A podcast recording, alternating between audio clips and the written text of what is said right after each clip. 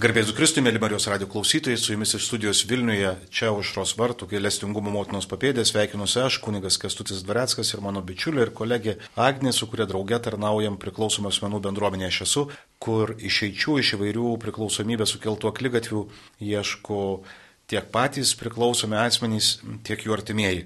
Bendruomenėje stengiamės atliepti ir į artimųjų poreikius, nes dažnai jie lieka paraštėse Dažnai mes galvojam, kad e, priklausomas žmogus labai daug kenčia ir tai yra tiesa. Daug tos kančios, vidinės kančios, kurią jis mėgina bet kokią kainą gesinti, jam suprantamom priemonėm, kurios dėje bet nesprendžia tų vidinių gaisrų, tik dar labiau uh, leidžia jiems įsisenėti, dar labiau įsiskverti ir perimti net ir visą asmenybę. Uh, bet kartais paraštėse pamirštam tyliai kenčiančius jo artimuosius. Aš kartais taip grubokai gal juokauju, kad priklausomas asmo turi tam tikrą to kvėpino savo beprotybės, kai atsijungia, bet jo artimasis niekada neturi to kvėpių. Net jeigu jo mylimas asmo nustoja gerti ar kitus, kitais kvaišalais gadinti savo gyvenimą, tai artimieji kurį laiką tikrai negyvena ramiai, o gyvena nuolatiniam nerime.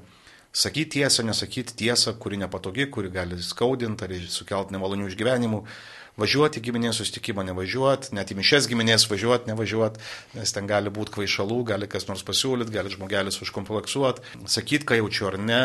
Ir kartais artimieji tikrai įvaro į tokius aklygatvius, kad patys pradeda iš didžiulės meilės kraustytis iš proto, elgtis nebe krikščioniškai, reiškia, nebe sąžiningai, be meilės. Kartais turi tiek daug puikybės, kad galvoja, jog gebės apžaist šitą lygą, e, gebės manipulacijos E, aukštumas kažkokias pasiekti ir vis iš naujo nusivilia, kad nepaisant nuoširdžių pastangų, nepaisant gausybės resursų, nepaisant karštų maldų, situacija nesisprendžia.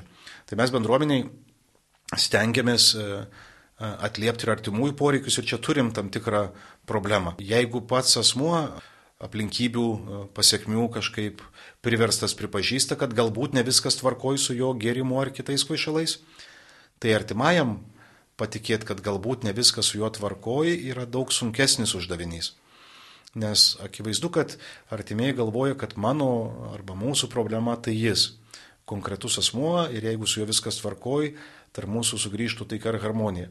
Bet e, toli gražu ne. E, tikrai pakankamai daug ištyrinėtas fenomenas, kai kur net vadinama tam tikra e, sutrikimo ar lyga, tai ko priklausomybė arba netiesioginė priklausomybė kai ilgai gyvendamas su priklausomu asmeniu pats asmuo pamažėlė praranda save, visiškai uh, tampa toks vos neapsėstas kitų asmenių ir dėja, bet nėra taip paprasta.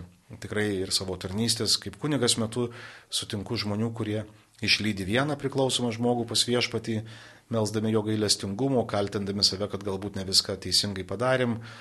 Ir žiūri, po poros metų vėl parankiai turi kitą žmogų, E, su ta pačia priklausomybės e, lyga, nes panašu, kad mm, ko priklausomybė gyvybiškai svarbu turėti ko rūpintis. Kad šiaip aš ir mano gyvenimas netiek svarbus arba nereikšmingas, jeigu neturiu kur e, pabėgti nuo savo gyvenimo, pasinerti visas.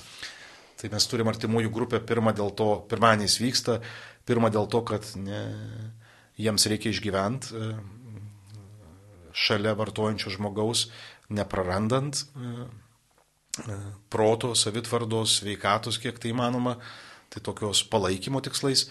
O kita grupė, kur vyksta uždara, kai tik susirenka, startuoja ir paskui renkama nauja, tai psichodukacinė grupė, kur artimieji yra kviečiami taip pat pokyčiui.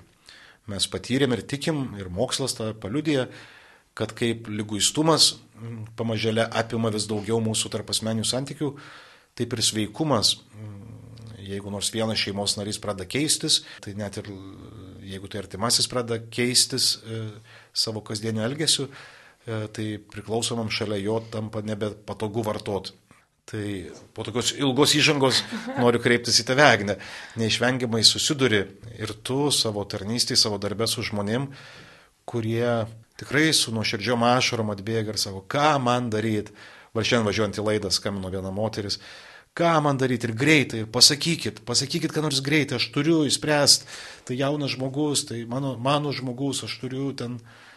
Ir nėra atsakymo, aš neturiu atsakymo, kurį galėčiau įdėti tris sakinius, neturiu burtažodžių, kuriuos ištarus priklausomas sugrįžtų į, į orbitą, į, į protą. Ir neturiu kartais kantrybės, kaip tuos artimuosius pakviesti lėtesniam laikui ir įsigilinimui į šitą, šitą lygą, nes jinai yra pakankamai kompleksinė.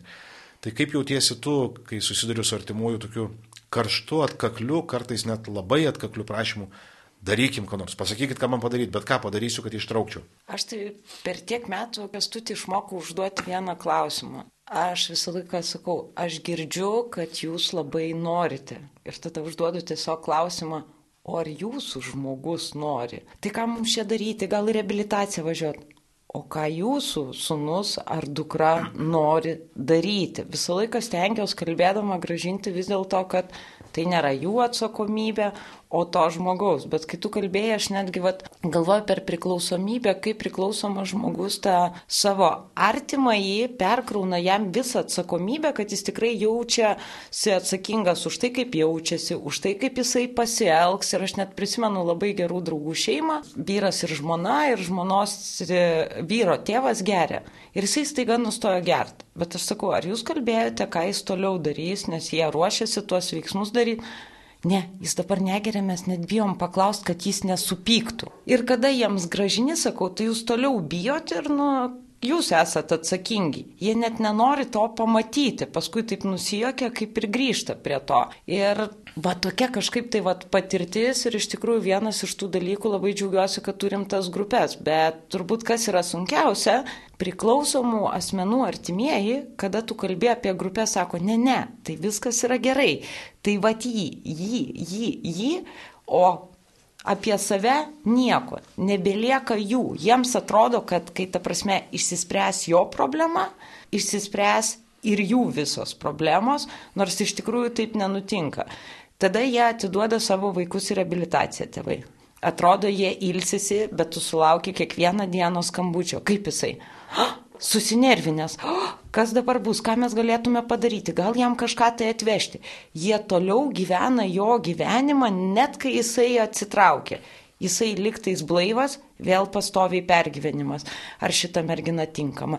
O jeigu jinai jį paliks, o jisai biški susinervavo, jam reikia kito darbo, jo kažkas nesupranta ir toliau va tas va visas dalykas yra, liktai yra jų atsakomybė. Aš kažkaip jau irgi noriu pabrėžti, nes kartais tai labai panašu į meilę. Nu, aš tikiu, kad tai kyla iš meilės, bet tai įgauna kartais labai lyguistas formas. Ir man atrodo, ypač kalbam krikščioniškam krašte ir krikščioniškam radijui, kad kartais tai gali būti panašu į labai altruizmą didžiulį, kad aš įsikraustau iš proto dėl tavęs. Bet iš principo, ką noriu priminti ir šventame rašte, paštalas Paulius labai kategoriškai sako, kad laiko pilnatvė atėjus Dievo apskaitą duosiu už save. Ne už savo draugus, ne už savo tėvus, ne už savo sesę, ne už savo bičiulius, ne už dar ką nors, tik už save. Ar aš tame santykėje buvau e, sąžiningas, ar aš tame santykėje buvau autentiškas. Ir kad artimiesiems atrodo kartais nepateisinamas e, egoizmas pasirūpinti savim toje situacijoje. Aš vis mėgstu kartoti lėktuvo frazę, kad norint pasirūpinti šalia esančių, užsidėkit kaukę savo. Bet tikrai susiduriu su ta tokia vidinių, vidinė sumaištim Viena vertus matau iš proto einantį artimąjį, kuriam tikrai skauda, ir antra, matau didžiulį jo neįgymą, kad aš bet ką padarysiu, bet to, ką sakai, tikrai nedarysiu. Jeigu bet ką padarysi, sakau, nu, tai savi pagalbos grupės, Alanon, pirmin, sėdėk tol, kol įsispręs. Nu ne, ta prasme. Aš vat ir dabar buvo, kur renkam tą psichoedukacinę grupę, kurių ten dešimt metų pas mus veikia ir pasitvirtino ir džiaugiamės, kad dabar ir Vilniaus universiteto mokslininkai pradės tyrinėti tos grupės fenomeną. Tai irgi pamato skelbimą ar man skambina pusiau pažįstama, jau iš matymų pažįstama moteris. Gerai, sako, aš registruosiu, bet atitemsiu ir jį kaip nors. Skune, bet čia ne, ne, nepriklausomam skirta. O tai kam tada ta grupė? Tai prasme, jeigu nėra priklausoma mano gyvenime, tai kam tada tos visos grupės? E, tai šiaip startuojam nuo artimųjų problemų ir norisi tą kažkaip, nežinau, ištranšiuoti, kad nėra griekas, nėra nuodėmė savim rūpintis. Ir kad jeigu įsikraustysim iš proto šalia priklausomybės beprotybės sergančio žmogaus, tai bus du bepročiaujantys po vienu stogu ir tikėtis kažkokių a, e, gražių a, e, ateities dienų yra nepamatuotai drąsu. Kad mes visi, tiek iš teologijos pusės žiūrint, tiek iš psichologijos mokslo žiūrint, mes visi esame įpareigoti nepalaikyti vienas kito klaidose, nuodėmėse, lygose, o palaikyti sveikime ir sveikume. Tai tikrai, kai myli, labai sunku išsaugoti adekvatumą. Aš nesu kažkoks nu, šeimoje, artimoje lyg dabar nieko nėra, neturiu šeimos net sukūręs, bet, bet galvoju vis tiek va, būna net bendruomenė žmonių, kur iš kolegų sulaukiu tokios replikos, kad kartais, nu neįsijausk, tu jau tiki labiau negu, negu jis, tu jau nori labiau negu jis ar ji, nes koks nors žmogus ima ir užkariauja kažkiek daugiau dėmesio ir tu labai sergi už jį ir pergyveni ir, ir bandai apsaugot nuo, nuo sunkumų, kurie dėja, bet sveikime būtini. Jeigu jų neįveiksim, tai turbūt sveikimas bus labai pigus ir trumpalaikis. Bet ir šiaip turbūt nuo gyvenimo tu neapsaugosi. Žmogus išsiskirs, žmogus kažkur tai jam kažkas tai nepavyks. Ir labai va taip norisi artimiesiams labai dažnai iš tos perdėtos meilės, kartais net kabutėse norisi pasakyti, jie neleidžia savo artimajam mokintis. Kad ir kaip aš mylėčiau savo dukrą, nu aš neišgyvensiu už jos ten pirmos meilės, kai būna išsiskirimas. Jinai tai turės padaryti. Bet bandydamas viskas, bandydama viskas spręsti už ją, aš apriboju ją nuo galimybės išmokti. Nes priklausomybė juk ir yra vienas iš tų dalykų, kad žmogus kažkada neišmoko tvarkytis su jausmais, emocijom, jisai neįgyjo kažkokios patirties. Ir kada artimieji toliau viską už jį sprendžia, jis niekaip neįgauna tos patirties. O gyvenimo valdyti mes negalim. Jau kažkas ten iš aukščiau dėlioja situacijas, pamokas mum. Ir tie artimieji vis bando, bando, o tas žmogus kaip neišmokęs, taip neišmokęs. Ir jisai vis susiduria ir tada jis vis grįžta tada prie to pačio, kur išmoko, tai yra narkotikai arba alkoholis. Ir va šitame labai yra sunki diskusija su artimaisiais, kad padėkit mums padėti. Nedarykite taip, nes mes visą laiką tada liekame pradiniam taške. Kaip vaikui išmokti vaikščioti, jeigu mama jį visą laiką nešioja ant rankų? Raumenis net atrafuosis. Jo, jo, tai gerai, tai dėl artimųjų gal e, taip prabėgom tiek, prašymas visiems artimiesiems pasirūpinti savim, užsidėti savo tą degonės kaukę, tikrai eiti į maldos grupelės, ir neslėpti nuo savęs ir nuo aplinkos tos informacijos, nes mums palaikymo reikia tame kelyje atstovėti, susiduriant su greunančia priklausomybės jėga, su didžiulė manipulacija, su kaltinimais, su ko tik nori. Tai mums tikrai reiks užnugario, vieni mes net laikysim, pralošim, mums reikia santykių ir su Dievu, ir su šalia esančiais. Ir tada antrą vaikščioti į tas savipagalbos grupės, būtinai vaikščioti kad ir nesuprantu, kam to reikia. Ateis supratimas vėliau, kai pamatysim tą vidinį pokytį ir jis tikrai atneš pokytį ir į priklausomą žmogaus gyvenimą. Nes tikrai esu per daug istorijų ten eina pro akis nuostabiausių tėvų, mamų, kurie ten padarė daugiau nei reikėtų ir vis tiek neteko savo mylimų žmonių ir liko iš nuovargio prisakė baisių jiems dalykų, kad geriau mirtum, žinotų, kur tavo kapas, o kai numiršta, tada sako, ką aš čia, kaip koks aš mama, kokia aš mama, koks aš tėvas ir taip toliau. Tai mūsų tos strategijos nuo širdžios turim pripažinti nepasiteisino. Nepaisant mūsų gerų norų, nuo širdžių pastangų, e, lyga progresuoja. Ir jeigu mes toliau nieko nekeisim, tai nieks ir nesikeis, neapgaudinėkim savęs. E, bandykim e, sukt priklausomo asmens link, nes tikiu, kad šią laidą klauso ne tik tai artimieji, kurie gyvena nerime ir ieško vilties, bet ir žmonės, kurie patys jau girdė aplinkoje replikų, kad galbūt čia jau nebeprotingai geri ar, ar kitas medžiagas vartoji. Tai kaip ir artimieji turi pradžioje įveikti tą didžiulį neįgymą, kad čia nesloga ir nepraeis savaime, e, turi praeiti didžiulį neįgymą, kad man nesikeičiant čia kas nors pasikeis. E, tai taip ir priklausomas žmogus, tuo yra šlikšti šita lyga kad kitų lygų atveju žmogui pasakai, kad jaučiu nerimą dėl tavo būsenos, jis dažniausiai yra kritiškas ir klausia, tai ką man dabar daryti. O priklausomybės atveju, kai pasakai, jaučiu nerimą, nes matau dalykus, kuriuos, kuriuose e, turiu pagrindo manyti, kad šita baisi lyga pasibeldė ir į tavo gyvenimą, tai dažniausiai susidursiu su pykčiu, neigimu, kažkokiu piktom replikom savo adresu, kuo tu čia lendi, kad čia aiškiniai save pažiūrėk ir ten. Mm, tai norėtųsi tavęs klausti, tie patys artimieji bent jau mane kalbina. Kunigė, tai gal nuvažiuokit pas jį, gal jį užkalbinkit, nu toks truputį per, per jėgą, bando įsakyti, kad geriau jau įsdegul, pasakykit, kad visada laukiamas pokalbį. Kaip tu išgyveni neįgymo akivaizdoj, kai tavo akivaizdu kančios, žmogaus kančios priežastis, bet susiduri su tuo, kad jam tai neakivaizdu ir jis su tavim kalbasi tik dėl to, kad artimieji ar aplinkybės ar teisės sauga privertė ateiti į pokalbį. Iš tikrųjų, aš tai nežinau, vienas iš tų nuostabių dalykų, ką atradau, turiu dešimties metų patirtį konsultuojant, kas vat, labai vat, ir būna, kada su tuo neigimu susiduri, o dabar atradau labai meno terapiją. Nuostabus dalykas, kada, kadangi meno terapija yra tuom ypatinga, kad kada mes kalbam, visą laiką vyksta cenzūra ką pasakyti, vyksta kontrolė. Meno terapijai, kad ir kaip kontroliuotų žmogus, po 10 minučių įsijungia pasąmonę. Ir dabar su pacientais aš jaučiu tokį didelį džiaugsmą, tarkim, buvau jo atsiskaitime ir jisai visą valandą kovojo su visa bendruomenė, bandydamas pasakyti, kad tik biški gėrė, kad čia kažkokia aplinkybė privertė. Ir tada duodi temą, kad ir paprasta keturi metų laikai, kaip tu jautiesi.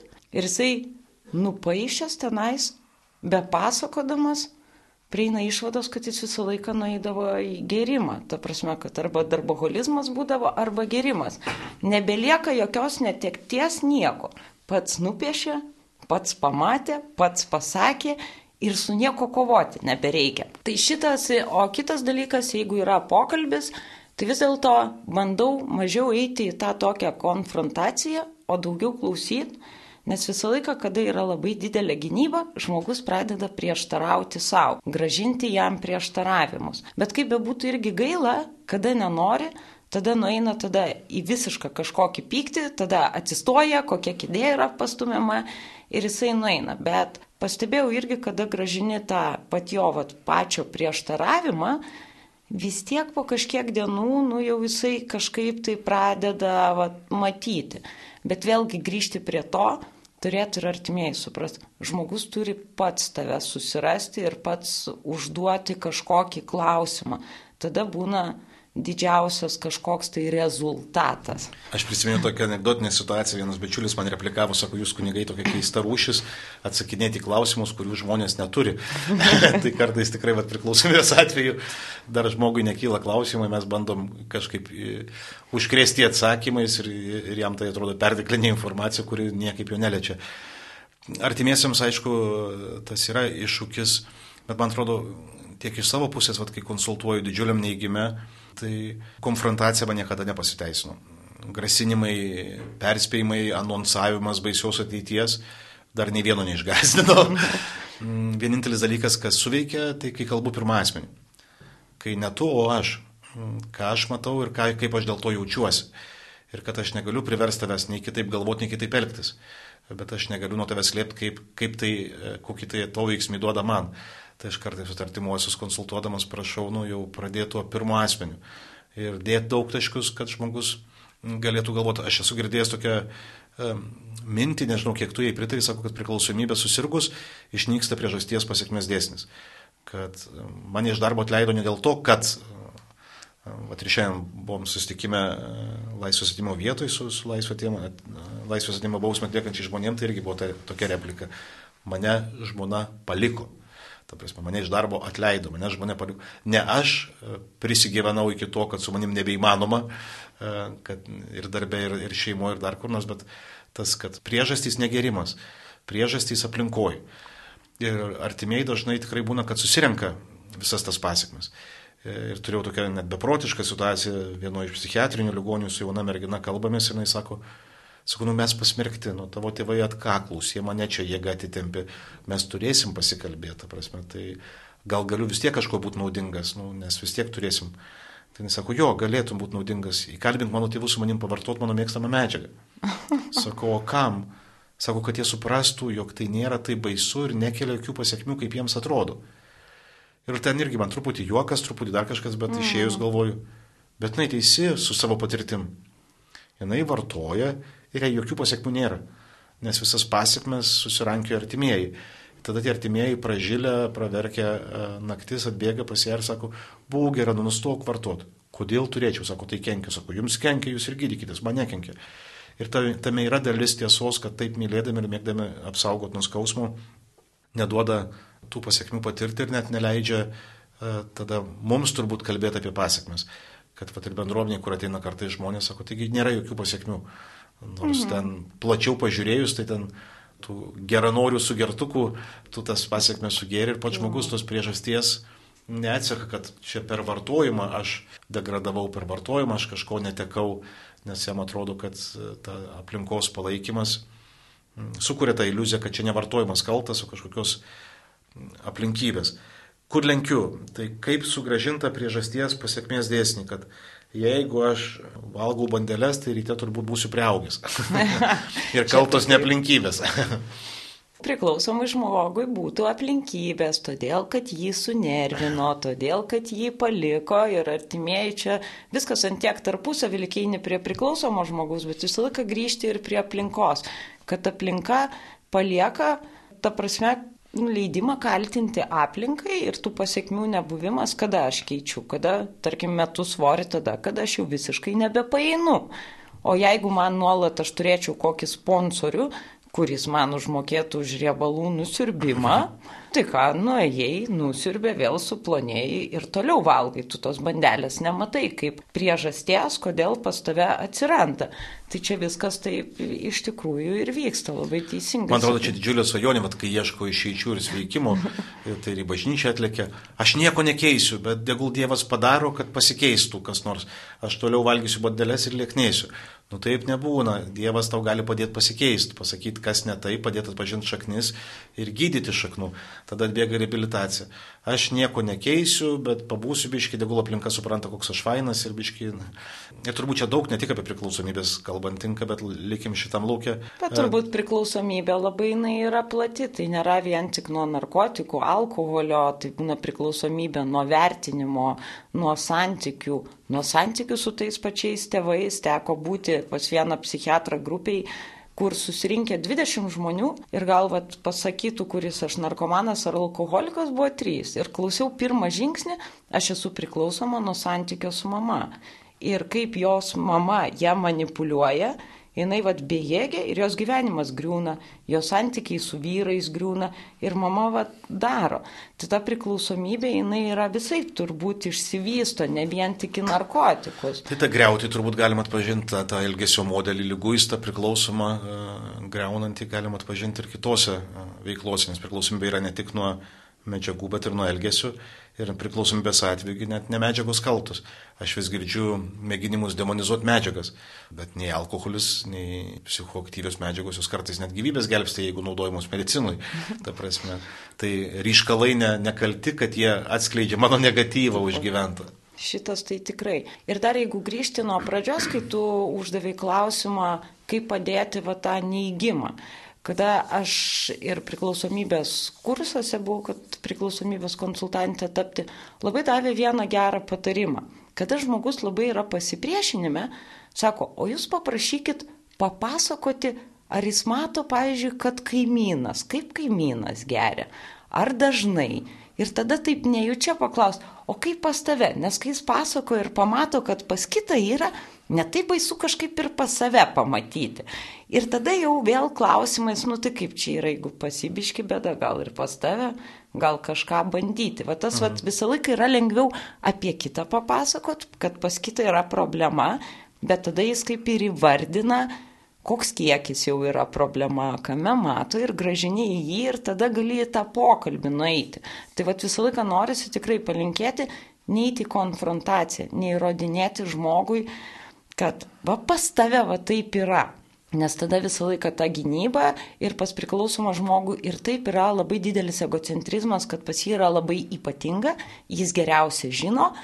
Ir kada tu dar įrodinėjai, jis tik pasitvirtina, niekas nesupranta manęs. Ir tada jisai dar labiau gali būti tame neigime ir eiti savo tą nesupratimą, kas dažniausiai būna, vienišumą, atsiskirimą pateisinti, kaip išmokti būti šalia, bet nespręsti ir neįrodinėti, kaip ta ranka jinai turi matytis. Bet, bet tu negali kažkaip tai už jį visko daryti. Labai reikia va šitą dalyką atskirti ribą ir kai mes važiavom su tavimi radė, tu taip gražiai apie trečią žingsnį kalbėjai, ne? Mes nusprendėme patikėti savo valią ir gyvenimo Dievo, kaip aš jį suprantu, globai. Ir kai aš dirbdavau su pacientais, aš sakydavau, tai čia yragi kaip estafetė. Yra dalis, kur tu nubėgi, bet paskui tu turi perduoti Dievui lasdelį. Bet va tą ribą tu turi pajausti, nes estafetė jūs dalyvaujate abu, mhm. tu negali bėgti už visus, tu turi perduoti. Tai va ir tam artimajam, ar, na, nu, kaip padėti, kaip pasakyti, kad aš jaučiu, aš noriu tau padėti, bet lygiai taip pat pasakyti, kur ne ir mhm. nebandyti spręsti. Va trečias žingsnis jisai toks ir gyvenime labai pritaikomas, ne, Vat atskirti tą ribą ir tą maldą, keisti, ką galiu ir susitaikyti su tuo, ko negaliu. Man atrodo, net ir kitoj sferoje, bet religiniai tematikoje, kalbant, tas trečias žingsnis gyvybiškai svarbus patikėti e, savo valią ir gyvenimą Dievui ir jo globai, jo vedimui. E, tai man atrodo priklausomybės atveju dažnai yra, kad pats, dievo, tas pats žmogus susidėvinęs, susirga tuo, aš geriau žinau, aš visus teisiu, nu tai čia Dievo savybės ir artimasis kartais e, tas Dievas, kuris gelbsti. Ašgi be manęs tu mirtum, aš čia, jeigu aš atsitrauksiu, taigi čia ant manęs laikosi pasaulis. Tai irgi tam tikra susidėvinimo uh, forma, uh, kad ir iš meilės, bet didžioji dalis turbūt klaidų daromos ar iš meilės, ar iš, iš tikėjimo, kad, taip, kad kitų variantų nėra. Mm, tai tas atsitraukimas, susivokimas, kad ne, ne, palauk, aš pats neišvairuosiu. Nei būdamas priklausomu, vienas neišvairuosiu, nepaisant, kad labiausiai stengsiuos versijos per galvą, nei būdamas artimuoju pats neišvairuosiu.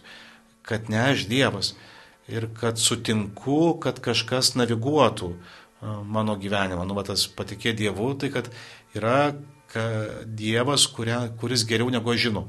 Ir man atrodo, čia yra didysis iššūkis visiems. Priklausomybėje sėdint atrodo, kas geriau negu aš žinau.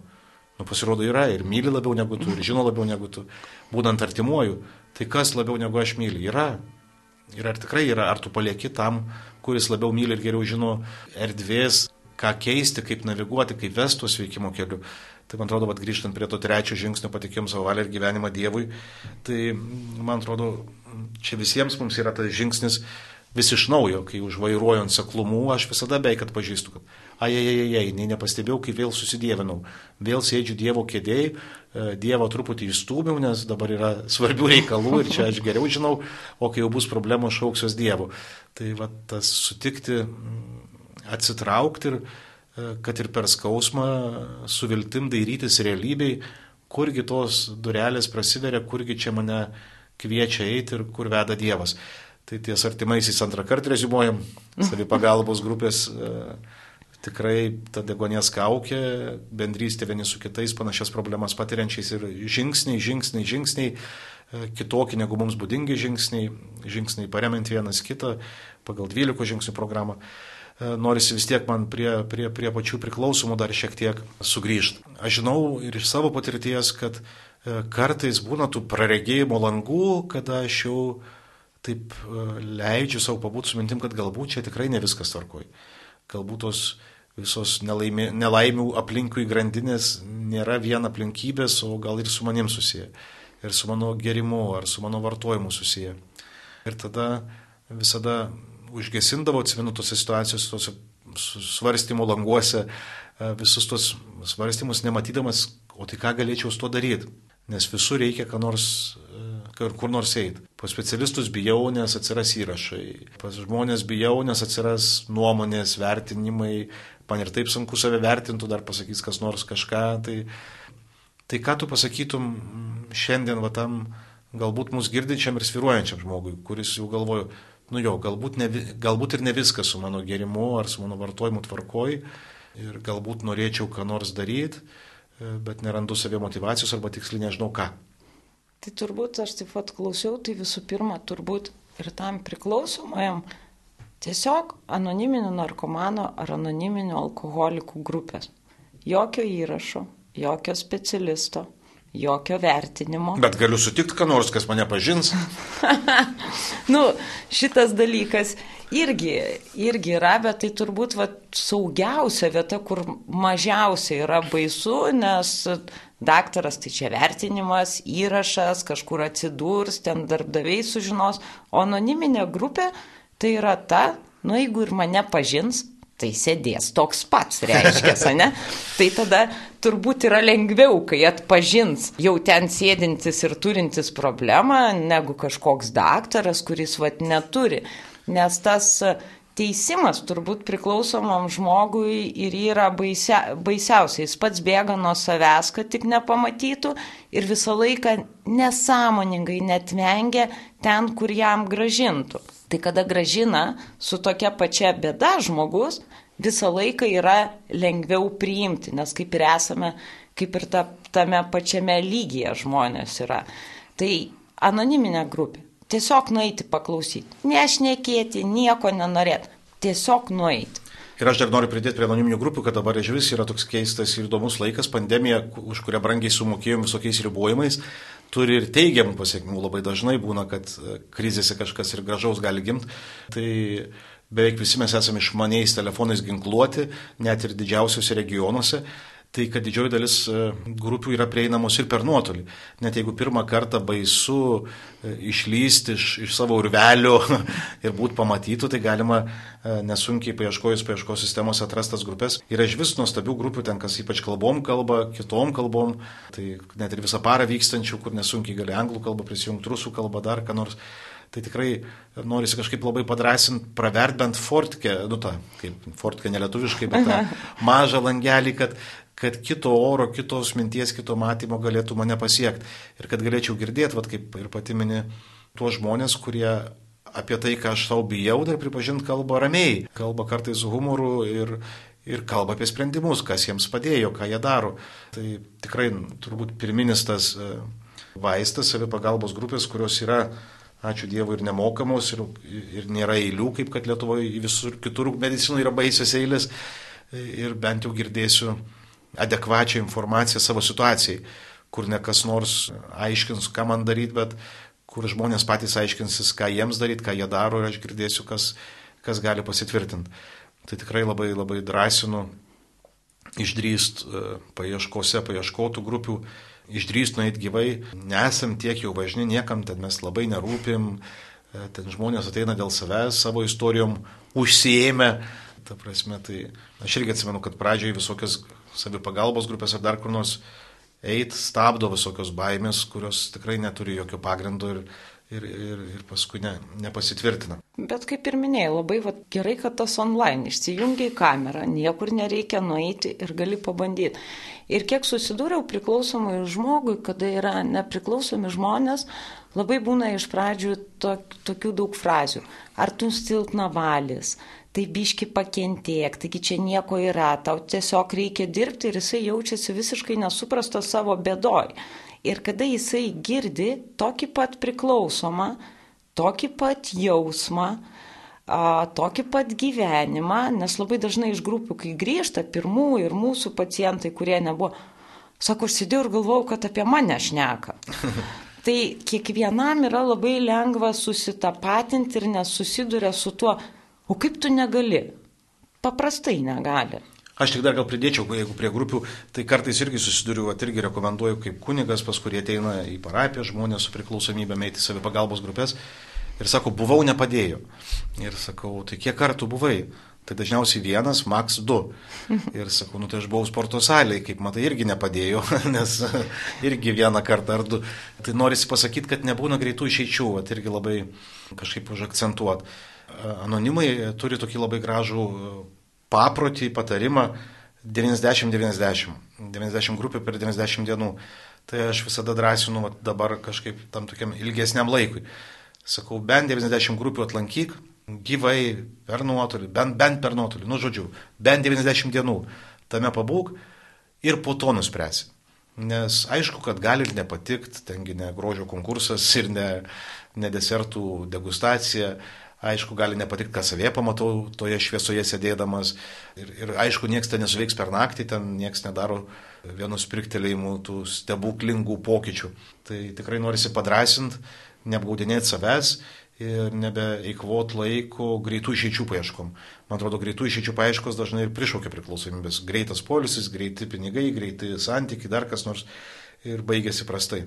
Tikri dalykai turi savo kainą, tai tikras veikimas irgi turi savo kainą.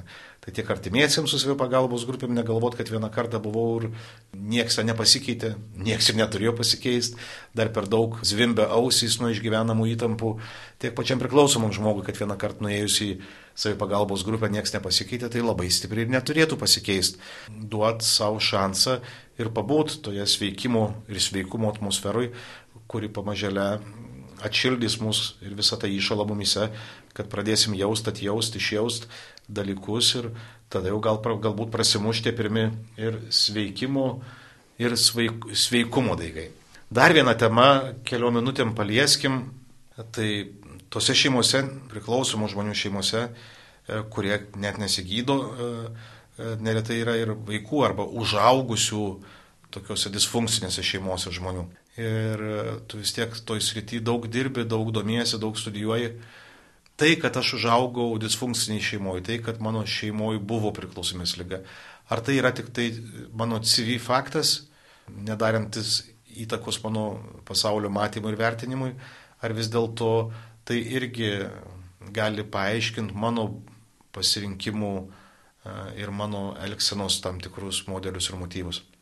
Tikrai, kad gali ir iš tikrųjų, vat, kas yra, nu, aš nežinau, ar čia netinkamas žodis būtų liūdniausia, bet tiesiog taip jau yra, kad, ta prasme, tai yra kaip užburtas ratas. Priklausomas žmogus, jeigu jisai buvo priklausomybei, šalia jo esantis, aišku, buvo ko priklausomi. Priklausomybė vis tiek juk yra apie tai. Neišmok, neišmokti tvarkyti su jausmais priimti. Jeigu aš nemokėjau, aš savo vaikui, ta prasme, neišmokau. Ir tas vaikas išauga Bet va tos priklausomybės, jos turbūt ir pereina va tenais į kitą.